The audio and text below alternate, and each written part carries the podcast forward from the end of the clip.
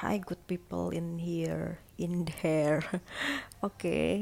uh, teman-teman podcast, kali ini aku ingin berbagi sedikit um, pendapatku mengenai toxic parent. Nah, kira-kira ini kita lagi sering mendengar istilah ini. Toxic parent adalah orang tua yang beracun. Ya maksudnya kadang ada orang tua yang mungkin masih tidak mengerti soal parenting jadi waktu mendidik anaknya itu mereka menggunakan kata-kata atau beberapa tindakan yang kurang tepat.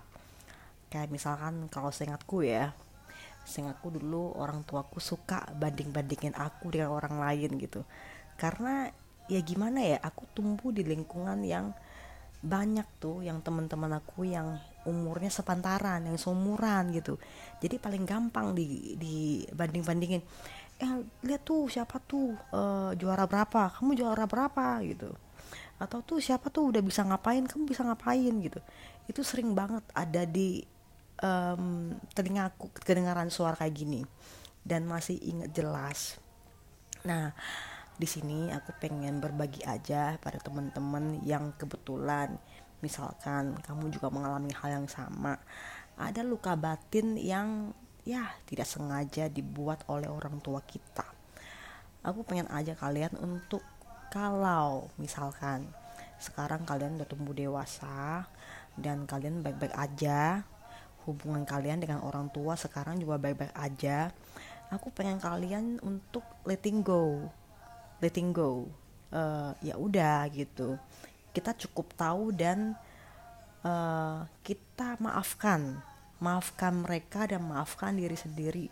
Dan kecuali kalau misalkan memang luka batinnya agak parah agak dalam butuh bantuan psikolog mungkin uh, atau terapis ya itu bisa dilakukan lah. Tapi kalau misalkan ya luka batin nggak gimana gimana ya selama kita masih bisa handle dan bisa baik ya udah letting go.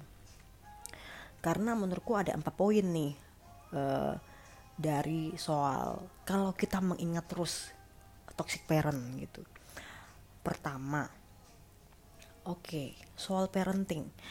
Soal parenting itu bahkan baru dikenal sama kita sekitar akhir-akhir ini. Ya bilang aja lah tahun 2010 gitu. Orang dulu, apalagi ya kita anak-anak lahiran tahun 70, 80, 90 early itu orang tua cari makan aja susah. Itu di aku ya di daerahku di, di sekitarku begitu. Cari makan aja susah. Gimana sih mereka mau kenal parenting? Dan dulu kan juga gak banyak YouTube gak ada YouTube gak ada Instagram gak ada Facebook. Maksudnya informasi yang masuk ke mereka tuh juga dikit. Jadi mereka itu mendidik anak cuman berdasarkan dengan cara orang tua mereka didik mereka. Jadi mereka dididik sedemikian rupa uh, terus ya udah dia ke anaknya akan dengan cara yang sama. Ya kan? Apalagi kalau zaman dulu itu mungkin mereka ada banyak yang belum menerima pendidikan formal secara utuh. Itu di daerahku ya. Itu yang pertama mereka belum mengenal parenting. Kedua kalau menurut aku nih kalau kita sendiri merasa kita adalah korban korban dari uh, toxic parent kita itu seolah-olah adalah self victimizing. Yaitu kita menjadikan diri kita sendiri itu korban gitu. Jadi kalau misalnya kita udah tahu nih tahu oke oh, kayaknya gue ada luka batin nih sama nyokap gue bokap gue dulu. Kalau kita ingatnya terus itu yang Edi inget lukanya pedesnya kata-kata mereka gitu. Dan kita akan merasa nih sekitar kita ketika kita udah gede sekalipun kita akan merasa kayaknya tadi omongan nyokap gue itu gak bener deh nyakitin gue banget gitu. Kita akan selalu menjadi korban akan selalu merasa menjadi korban. Kok gue lagi ya? Kok gue lagi yang jadi korban ya? Padahal belum tentu. Nah karena kalau kita self victimizing kita akan merasa kita menjadi korban. Itu. Dan kita akan gak bahagia. Kita akan merasa gue jadi korban dulu kapan gue bahagia. Nah itu. Gak akan bahagia ketiga. Um, hurt people hurt people. Ini satu istilah yang saya dengar dari um, pembawa acara Indonesia Daniel Mananta. Dia bilang orang yang pernah tersakiti cenderung akan menyakiti orang lain. Jadi gimana ceritanya?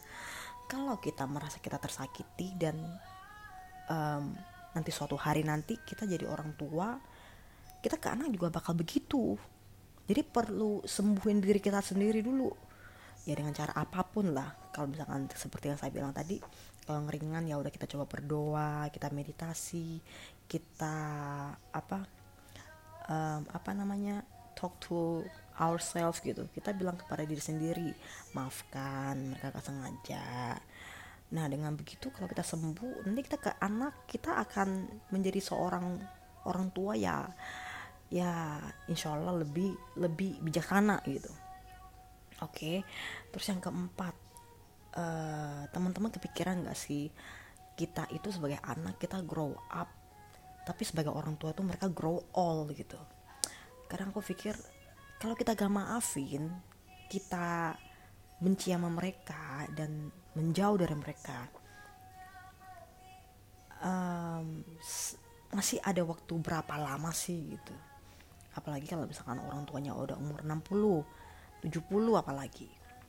Mereka itu mungkin gak banyak kesempatan lagi untuk interaksi bareng untuk interaksi sama kita gitu. Kita yang paginya kerja apalagi kalau yang udah nikah ya. Udah nikah udah gak tinggal bareng gitu. E, kerja ngurusin keluarga. Waktu untuk mereka itu udah nggak banyak gitu. Tapi gimana pun menurut aku mereka tetap adalah orang tua yang lahirin aku gedein aku. Yang mungkin mereka bukan orang tua sempurna bukan orang tua ideal yang bijak yang pinter dalam mendidik anak. Tapi alangkah baiknya kalau kita bisa hidup uh, berterima kasih bahagia bareng mereka. Oke. Okay? don't forget to love yourself more. Oke okay, bye